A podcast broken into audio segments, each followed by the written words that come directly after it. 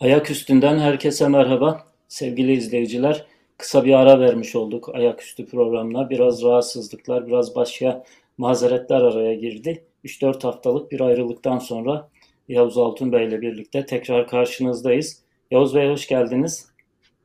Merhabalar, hoş bulduk. Siz de hoş geldiniz. Ee, hoş bulduk, evet karşılıklı. Ee, bugünkü gündem maddemiz e, son zamanlarda gittikçe sıklaşan faşizm bir faşizm parantezine alacağız bu konuyu. Ee, birbirine tahammülsüzlük, birbirini yok etmeye çalışmak, birbirine karşı rehabilite etmek gibi bir şey içerisine girmek, psikoloji içerisine girmek çok sık duymaya başladık. Bilhassa sosyal medyada e, baltayı eline geçiren diğerini yok etmeye çalışıyor. Biraz daha kendini güçlü gören, biraz daha kendini üstün gören daha aşağıda gördüğü, daha zayıf gördüğünü ya yok etmeye çalışıyor ya da adam etmeye çalışıyor, rehabilite etmeye çalışıyor. Ve işin ilginç tarafı hani bunun bir şey de yok. E, tek bir ideolojiye, tek bir yaşam tarzına mahsus bir psikoloji de değil bu. Yani bakıyorsunuz Lemansam da aynı e, telden çalıyor. Fatih Yaşlı da aynı telden çalıyor. Baltalı Zagor'da de diyorum ben. Yani belki adamı bu kadar e, sempatik de göstermemek lazım. Bu tür ifadeler adamı sempatik gösterebilir. Buraya kirane kapısına baltayla dayanıp kapıyı kırıp e, sonra hatta üstüne üstlük tekrar yapacağım e, diyen bir 92 yaşındaki adam da var. İşte e, genç yaşta bir akademisyen de var. Bir AKP'li milletvekili de var. Bir TKP'li Türkiye Komünist Partili akademisyen de var ve Hepsi neredeyse aynı şuur altından hareket ediyor. Aynı metodu kullanıyor. Belki arada bir iki küçük e, renk farklılığı oluşuyor. Bir iki küçük e, söylem farklılığı oluşuyor ama nihayetinde e, böyle bir hastalık var. Ya yani ülkemizde böyle bir e, ma, e, şeyle hastalıklı bir psikolojiyle karşı karşıyayız. Bugün onu tartışalım istedik. Yani hem gündemin ayak üstündeki şeyimiz oydu bizim. Başta da söylemiştik. Tekrarlamakta fayda var. E, tamamen günlük gündemin içinde olmayan ama gündemi de fazlasıyla ıskalamayan konuları konuşmaya çalışıyoruz. Bugün işte son 2-3 haftadır iyice e, ayyuka çıkan ve iyice tartışılmaya başlanan ve bugün de bugünlerde de intihar eden gençlerle birlikte, intihar eden çocuklarla birlikte de daha fazla tartışılmaya başlanan, karşı tarafı adam etmeye çalışan, adam edemeyeceğini düşündüğü zaman da yok etmeyi göze alan ya da yok etmeyi öneren, toplama kamplarını öneren bir psikoloji var. Ee, Yavuz Bey ne diyorsun? Sen e, hani ben biraz abartarak söylüyorum. Ee, Anadolu faşist dolu filan e, desem belki insanlar da alınırlar. Çok da ağır bir şey olabilir ama bu böyle her yaşantıdan, her hayat tarzından, her ideolojiden insanın böyle bir psikolojiye girmesini nasıl değerlendiriyorsun sen? Ee, normal değil. İsterseniz, Daha doğrusu e, bana göre normal değil. Hı hı. İsterseniz bu arada o tweetleri falan da görelim e, bir yandan çünkü ekrana gelsin. E, izleyicilerimize neden bahsettiğimizi anlasın. E, yani bu mesela Lemansam hadisesi e, işte Lemansam'ın sadece Araplarla ilgili değil diğer bütün milletlerle ilgili benzer sözleri çıktı sonradan ortaya. E, ya burada tabii çok daha geçmişe gidip yani ilk düğme nerede yanlış iliklendi sorusunu sormak lazım. Bana kalırsa yani o düğmenin yanlış iliklendiği yer biraz e, Türkiye Cumhuriyeti'nin kuruluş kodlarında yatıyor. Yani nedir o kodlar? Bir kere Türkiye Cumhuriyeti'ni kuran kadronun, elitin şöyle bir düşünce dünyası vardı. Yani bu sadece işte Kemalist dediğimiz ya da Şahin Kemalist dediğimiz kitle değil. O dönemdeki herkes de belki benzer bir e, kafa yapısı var. İslamcısında da var, işte e, daha farklı biraz daha liberal görüneninde de var. E, daha batıcı olanında da var. işte daha e, yerleci, millici olanında da var. Hepsinde olan bir e, hikaye şu. Osmanlı İmparatorluğu'nun yıkılış travmasını taşıyorlar. Yani bir imparatorluk yıkılıyor ve bu insanlar, bu genç, e, entelektüel e, ve belli konuma haiz insanlar sürekli biz bu devleti, bu imparatorluğu nasıl kurtarırız, bu milleti nasıl adam ederiz? üzerine kafa yormuşlar. Ve bunu da bir ideoloji zannedip ya da bir e, hani e, baştan sona bu devletle ilgili, bu milletle ilgili, Anadolu ile ilgili, işte Türklerle ilgili e, kesin yargılar gibi bunu görüp ileri kuşaklara da bunu taşımışlar. Yani o dönemin tartışmalarına bakıyorsunuz bütün tartışmalar burada düğümleniyor. Yani biz bu devleti, milleti nasıl kurtarırız? Daha sonra Cumhuriyet'le beraber de benzer şeyler devam ediyor. Çünkü Cumhuriyet'le beraber de o Osmanlı'dan kalma travmalar, işte tehdit algıları falan devam ediyor sürekli. İşte Cumhuriyet'in ilk yıllarına damga vuran işte bir Şeyh Said hadisesi, bir Menemen hadisesi, işte Atatürk'e suikast girişimi, daha sonraki yıllarda Dersim isyanı vesaire. Bunlar hep önceki travmaları tetikleyen hadiseler oluyor. Dolayısıyla bu travmadan bir türlü çıkamıyor insanlar ve sürekli işte bu milleti adam etmemiz lazım, bu devleti kurtarmamız lazım fikri üzerinde devam ediyor. Bu neden problemli bir bakış açısı? Çünkü bu o entelektüel kitleye ya da o devlet kadrosuna şu e, ehliyeti veriyor. Yani bu biz bu diye milletten işte üstünüz, bu tehditleri oluşturan milletten üstünüz. Dolayısıyla bizim onları adam etmemiz lazım. Bizim onları rehabilite etmemiz lazım gibi bir bakış açısı sağlıyor. Bunu da neye dayandırıyorlar? İşte kimi zaman e, laiklik, sekülerlik gibi daha dünyevi işte daha e, dünya genelinde de kabul görmüş şeylere yaslanarak işte biz laik ve seküleriz işte sizden üstünüz diyebiliyorlar. Bazen bunu işte bir şekilde oturup e, ne bileyim çağdaşlık, bilimsellik vesaire gibi e, şeylere oturtabiliyorlar. E, şimdi geldiğimiz noktada e, özellikle 2000'lerin başında benzer bir karşı tarafa üstten bakma, karşı tarafı aşağı görme, karşı tarafı işte akılsız, düşük zekalı görme e, fikri İslamcı cenahta da yayıldı. Yani işte AK Partili ve onlar destek veren işte liberal, sol, sağ işte biraz entelektüel kitle biraz onun şehvetine de kapılarak işte Kemalistler çağ dışı bunlar adam edilmeli, rehabilite edilmeli, bunlar işte topluma kazandırılmalı gibi şeyler söylenmeye başladı. Dolayısıyla geldiğimiz bugünkü noktada kimse taşın altına elini koyup da işte geçmişle hesaplaşmıyor ya da kimse biz Türkiye'yi el birliğiyle buraya getirdik demiyor. Bunun yerine ne yapıyor? İşte bunlar geri zekalıydı. O yüzden bu hale geldik. Bunlar işte şöyle e, mikroptu, virüstü diyorlar mesela. Ondan dolayı bu hale geldik. İşte bunlar şöyle işte dış destekli ajandı diyorlar falan. Hani sürekli bir dışsallaştırma var. Yani sorunlar hep dışarıda. Hiç bizde değil bizim yanımızda işte içimizde veya bizim bakış açımızda değil. Sorunlar hep dışarıda sorunlar hep başkasında. Bir e, dış güç bir işte e, dışarıdaki bir yalancı işte bir hain vesaire kimse bu bizim içimizi karıştırıyor, ortalığı karıştırıyor. Bundan dolayı problem yaşıyoruz. Bu Osmanlı'nın son döneminden bugüne taşınan bir travma ve az çok eli kalem tutan, düşünen hemen herkes de buna düşmeye çok meyyal. Yani Türkiye'de çünkü şöyle de bir durum da var yani Türkiye'de böyle e, ortalama kalite bir vasat da olmadığı için çünkü sistem bunu üretmeye müsait değil ya da izin vermiyor çoğu zaman her oluşma her oluştuğunda bunu sürekli presliyor e, niteliksizleştiriyor Türk toplumunu diyelim devlet dediğimiz organizma. Böyle bir vasat da olmadığı için e, yani insanlar da çok kolaylıkla buna düşüyorlar. Yani hemen kendini üstün görebiliyor. İşte kışladaki asker işte subay eğitimi almış bir asker kendini Türkiye'nin en entelektüel, en bilgili, birikimli insanı gibi görebiliyor ve diyor ki bu devleti en vatansever. Ben kurtarırım. Tabii en vatansever işte yani kabiliyet açısından da kendini en kabiliyetli görmeye başlıyor.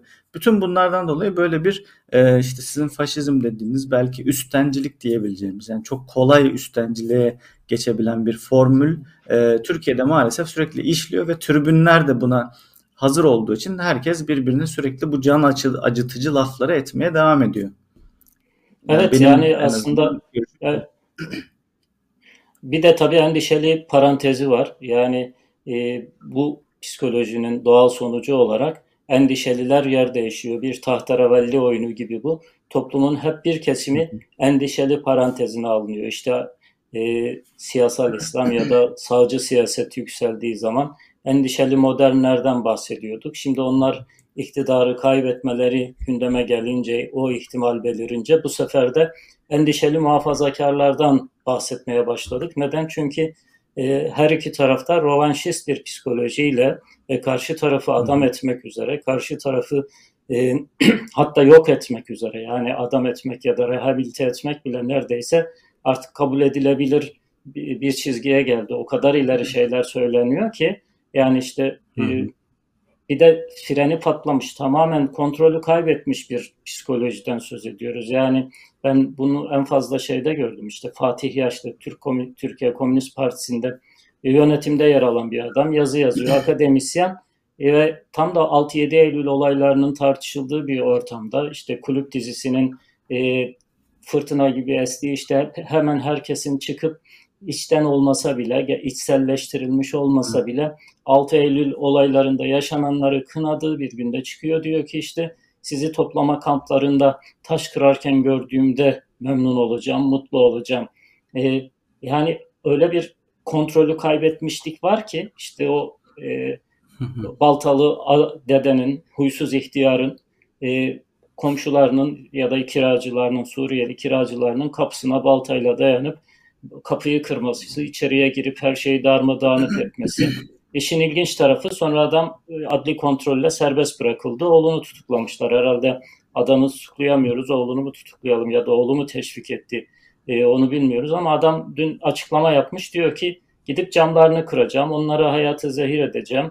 E, onlar canavar gibi diyor. Sularını kestirdik, gidip açtırdılar diyor. Elektriklerini kestirdik. Yani tuhaf bir psikoloji ve bu psikoloji hani freni patlamış bir biçimde gidiyor. Tamamen kontrolden çıkmış bir biçimde gidiyor.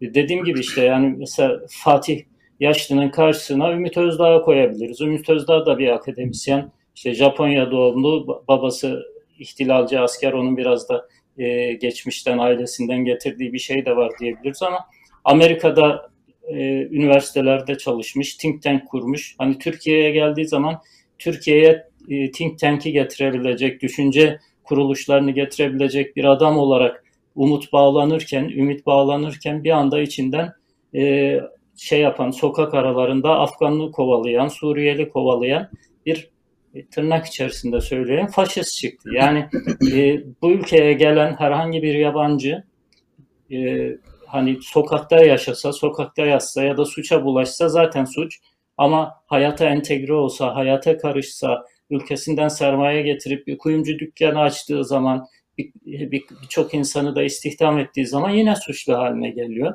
Hani dışarıdan gelen insanlara bilhassa göçmenlere karşı e, bu psikoloji çok daha kolay tahrik oluyor ama kendi insanımıza karşı da farklı değil. Yani kendi insanımıza karşı işte en son e, intihar eden, hayatını kaybeden 16 yaşında gencecik bir çocuğu tartışıyoruz. E, çocuğun babası da hani suçlandığı şey 2011 yılında bir gene tırnak içinde ifadeyle söylüyorum. Örgüt üst yöneticisiyle, üst düzey yöneticisiyle telefonla görüşmüş olmak. Yani şeyindeki dosyasındaki Mustafa Yeneroğlu'nun e, hı hı. tanıklığından anlatıyorum ben. E, suç buymuş. Ya 2011 yılında hani bırak işte Gülen Cemaati Hizmet Hareketi'nde herhangi bir kişiyle, yöneticiyle görüşmeyen bir Allah'ın kulu, bir siyasetçi, sağda, solda, AKP'de kimse mi vardı? O 2011 yılında akın akın Pensilvanya'ya gidiyordu AKP'liler. Yani şimdi bir adamı 12 yıl yanlış hatırlamıyorsam hapis cezasına çarptırıyorsunuz ama daha da kötüsü geride kalan aileleri müthiş bir ötekileştirilme, müthiş bir e, yok farz edilme, müthiş bir preslenme, müthiş bir dışlanmayla karşı karşıya kalıyorlar. Hani bu sadece maddi sorunlarla da alakalı değil. Elbette büyük maddi sorunlar yaşıyorlar ama onun daha ötesinde psikolojik baskıyla, psikolojik mobbingle, psikolojik e, dışlanmışlıkla karşı karşıya kalıyorlar. Ben bunun çok örneklerini gördüm. Çok başarılı öğrenciler Fatih Koleji kapatılıp devlet okuluna gittiği zaman nasıl prens, preslendiğini, nasıl yok farz edildiğini, nasıl e, çocuklara mobbing uygulandığını örnekleriyle e, bizzat tanık oldum, bizzat şahit oldum, dinledim. E, ya böyle bir psikolojide yani maddi imkansızlıkların ötesinde bu psikolojik ortamına dayanamayarak intihar eden insanlar var, intihar eden çocuklar var, gençler var. Bunu tartışırken bile birileri çıkıyor ki bunlar da akademisyen, kimisi birisi sağda, birisi solda, birisi AKP'de siyaset yapıyor, öbürü e, siyasete girmiş mi bilmiyorum ama ulusalcı, solcu bir kimlikte görünüyor. E, ikisi de aynı şeyi söylüyor. Bunları rehabilite etmemiz lazım. E, zaten Naziler de Yahudileri rehabilite etmek için o toplama kamplarını kurmuşlardı. Yani 1984 şu an bir anda Çin'deki Çin, Çin şu an Çin'de Uygurların kapatıldığı kampın adı yeniden eğitim kampı. Yani bir çeşit rehabilitasyon kampı zaten. Evet oradan devam edebiliriz. İyi bir noktayı yakaladın. Aydınlıkçılar da onu savunuyorlar. Ee, Çin'deki o hı hı. toplama kamplarını e, bu, burada insanlar işte meslek kazandırılıyorlar, rehabilite ediyorlar diye savunuyorlar. Hı hı. Oradan devam edebiliriz. Bu psikoloji yani varacağımız evet, nokta yani bu aslında hı hı. Yani bu aslında şöyle bir durum. Yani 19. yüzyıl ideolojilerinde genelde hani daha sonra 20. yüzyılda bunlar bu ideolojiler rehabilite edildi aslında bakarsanız ama Türkiye'de genelde hep eskisiyle e, konuşulduğu için işte 19. yüzyıl ideolojileri bir çeşit e, hiyerarşiden kurtulmuş değillerdir. Yani toplum içinde bir hiyerarşi savunurlar. Yani özellikle de mesela Marksist ideolojinin özünde şöyle bir şey var ki Çin'de gördüğümüz aslında biraz bu. E, toplumun yani Marksizm bir çeşit uyanış ideolojisi. E, bu yönüyle aslında İslamcılığa da benzer. E, yani gerçek hakiki uyanmışlar vardır tabiri caizse. Bunlar hakiki Müslüman gibi de düşünebilirsiniz. Ve bunlar geri kalana, geri kalan bütün toplum kesimlerini uyandırmakla vazifelidirler. Dolayısıyla e, uyanmamış olanlar ya da işte sürekli hala işte bir çeşit uykuda olanlar buna seküler bir gaflet de diyebilirsiniz. İslami jargondaki gafleti de kullanabilirsiniz bunlar e, hani bir şekilde dürtülerek uyandırılmak zorundadır yani. Dolayısıyla bunlara yapılan muameleler bazen e, bu kapsama alınabilir. İşte mesela şu an Çin e, Uygurların, Uygur Türklerinin, Uygur Müslümanlarının bir çeşit İslamcı, bir çeşit radikal ideolojiyle mağlul olduklarını düşünüyor ve bundan e, rehabilite etmek için de kamplara alıyor. Orada yeniden eğitim veriyor onlara. İşte Çince öğretiyor, Çin kültürü öğretiyor kendince kendi bakış açısından falan. Ve e, Çin'in şöyle şeyleri de var. Yani işte İncil, Kur'an, Tevrat mesela ülkesindeki Hristiyanlar ya da işte Müslümanlar ya da Yahudiler için bunları redakte etmek istiyor mesela. Diyor ki bu kitapları bizim redakte etmemiz lazım. Çünkü bu kitaplarda sakıncalı şeyler var diyor mesela.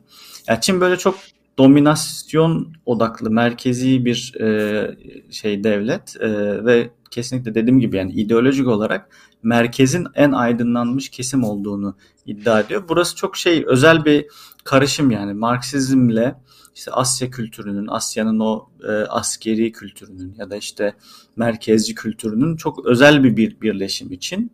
E, bu yönüyle e, gerçekten bizimkilerin bir kısmının neden e, buraya örnek almak istediğini anlaşılabiliyor. Çünkü Türkiye'de de böyle bir hani askeri özellikle mantıktan gelenlerde böyle bir şey var işte.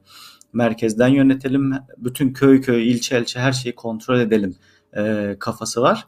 İşte bu kafa dediğim gibi yani en başta söylediğimiz gibi bir üstencilikle başlıyor. Yani kendini üstün görmekle. İşte mesela e, yani o Pelin Gündeş'in mesela e, söylediği şey aslında teorik bazda haklı yani bir nedir işte e, hapishane neden vardır? İşte suç işleyeni hapishaneye koyarsınız. Orada rehabilite olur. Sonra topluma geri kazandırırsınız. Yani bu teorik olarak haklı bir şey. Ama Türkiye'deki problem şuradan kaynaklanıyor. Yani sistem çürümüş durumda. Bununla beraber sağlıklı bir toplum yani yok şu anda. Türkiye'de zaten sağlıklı bir toplum. Sağlıklı bir hukuk yok. sağlıklı bir hukuk yok, sağlıklı bir toplum yok ki ona geri kazandırasınız insanları. Yani tam tersine e, toplumun belki de işte en e, eğitimli kesimleri, işte en bir şekilde e, hani bir derdi davası olan insanlar ya bunun solcusu sağcısı fark etmez işte cemaatçisi fark etmez. Bu insanları hapse atıyorsunuz. Öbür tarafta işte az önce mesela e, baltayla eve giren adam dışarıda. İşte bir sürü e, cinayet işleyenler, tecavüz edenler, şunlar bunlar dışarıda. Yani belki de dışarıda rehabilite edip hapse atmanız lazım. Yani tam tersi bir durum şu anda söz konusu. Ya bundan dolayı yani bu teorik yaklaşımlar falan işlemeyeceği bir noktadayız. Yani burada e, işte e, azıcık topluma söz söyleme gücü olan bir platformu olan insanların toplumu sakinleştirmesi ve o aradıkları sağlıklı topluma ulaşması öncelikle gerekiyor. Çünkü o olmadan biz belli ki yani demokrasiyi de kuramayacağız. İşte bundan sonra işte endişeli dediğiniz sizin bahsettiğiniz endişeli parantezi hiç kapanmayacak. Çünkü bir sonraki iktidarlarda da toplum yine işte kelle isteyecek, kan isteyecek. Çünkü öyle de bir ortam var işte Twitter'da falan görüyorsunuz ya da işte e, sokakta bir anda galeyana gelen insanları görüyorsunuz. İşte Suriyeliler en e, bariz örneği şu anda hiç sahip çıkanları neredeyse yok. Yani hükümet bile çünkü Suriyeli meselesinden dolayı oy kaybettiği için hükümet bile yüksek sesle çok fazla bir şey diyemiyor. Yani dolayısıyla şu anda hiç sahip çıkanları yok. Sürekli kışkırtmalar var. İşte yani daha geçen gün bir çocuk uykusunda kalbinden bıçaklandı yani Suriyeli bir genç. Yani böyle bir ortamda yaşanıyor ve bu çok vahşet uyandırmıyor insanlar. Yani insanlar bunu görüyor. E, belki bir an yüzünü buruşturuyor falan ama hayatımıza devam ediyoruz. Yani bir e, bir dakika ya biz toplum olarak ne olduk? Ne oldu bize? Niye bu hale geldik? Sorusunu soracak da yok. Bununla ilgili bir adım atabilecek de yok. Yani dolayısıyla böyle bir serbest düşüş hali. E, bunlar da işte bir o serbest düşüş esnasında işte sağda solda yansımaları yani basit bir şekilde söylersek. Yani bir örnek daha var. Onu atlamayalım diye e, hemen oraya Hı. girmek istiyorum ben. O da Ali Kemal Özcan. E, bu Abdullah Öcalan'dan en son 23 Haziran'daki İstanbul, yenilenen İstanbul seçimlerinden önce mektubu getiren ya akademisyen, sosyolog, şimdi profesör olmuş o dönemde hı doçentti. Hatta verdiği mülakatta işte e, Türkiye'deki en iyi sosyolog benim ama dünya geneline vurursan çok aptal bir adamım falan gibi bir şey de var. E, böyle bir çıkışı da var kendiyle ilgili. Ama adam orada açıkça Selahattin Demirtaş'ı ölümle tehdit etti. Yani diyor ki Selahattin Demirtaş cezaevinden çıktığı zaman şayet Abdullah Öcalan onu affederse yaşayabilecek. Yani Abdullah Öcalan ancak onu hayatta tutabilir. Niye? Çünkü e, çıkmış e, Recep Tayyip Erdoğan'a şey demiş işte seni başkan yaptırmayacağız. Sen işte e, Abdullah Öcalan'a bu kadar iyi mesajlar gönderen hatta sizi bile e, şeylere gemilere bindirip Abdullah Öcalan'la görüşmeye götüren e, ilk defa Kürtlere bir el uzatan bir adama nasıl seni başkan yaptırmayacağız dedin sen bunu hak ediyorsun.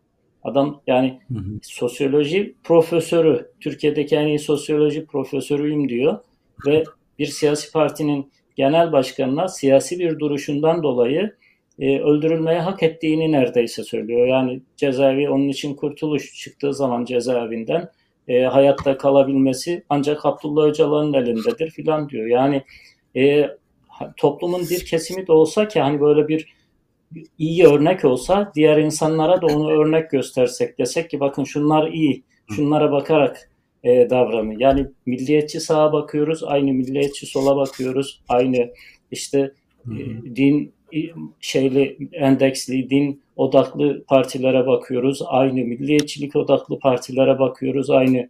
Yani bu ülkede hani şöyle e, ya bunlar doğrusunu yapıyor hiç olmazsa bunlara bakarak örnek alın diyebileceğiniz bir, bir kitle de yok sanki. Ne dersin?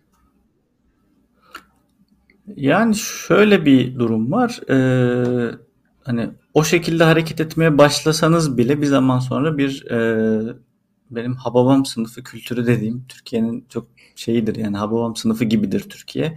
Ee, herkes birbirini böyle dirseğini dürterek aynı hizaya getirir bir yerden sonra.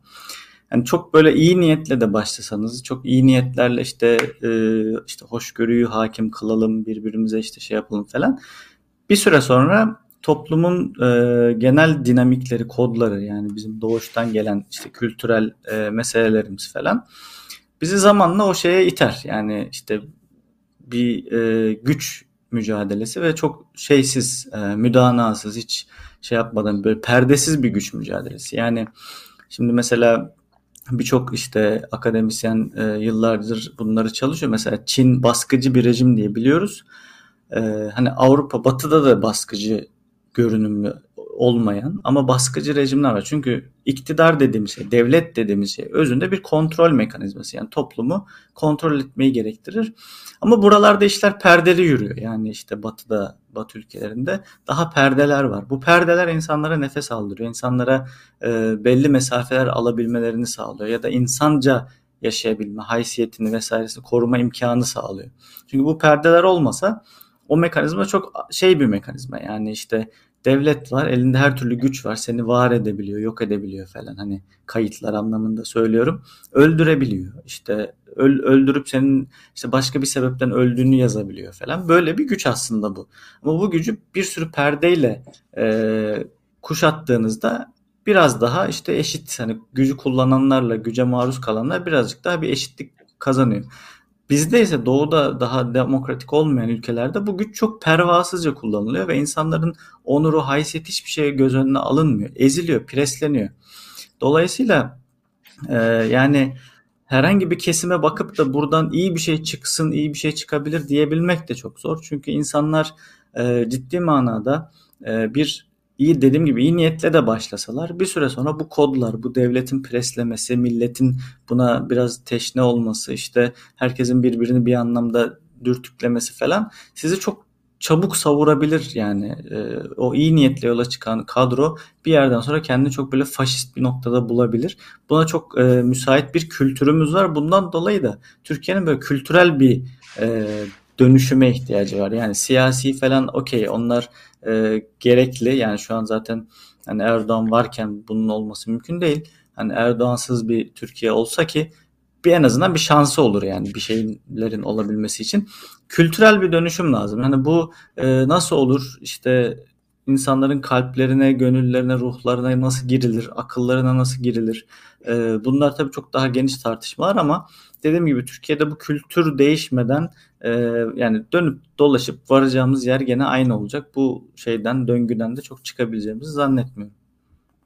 Yani kültür e, ben de eğit affedersiniz eğitimi ekleyeyim. E, biraz da böyle hem sağcısı hem solcusu aynı tornadan çıktığımız için birbirimize bu kadar benziyoruz herhalde. Yani o eğitim sistemi gerçekten bir torna tezgahı gibi e, aynı formatta, aynı şablonda insan üretiyor. E, o yüzden herhalde böyle en sağdaki adam da en soldaki adam e, birbirini Hı. aynı anda kullanıyoruz. O e, elinde baltayla kapıya dayananlar türünden bir rehabilitasyon değil kastımız elbette ki. E, bizi izlediğiniz için teşekkür ediyoruz. Kanalımıza abone olursanız ve bildirimleri açarsanız size çok daha kolay ulaşırız. E, önümüzdeki haftalarda tekrar görüşmek üzere. Hoşçakalın.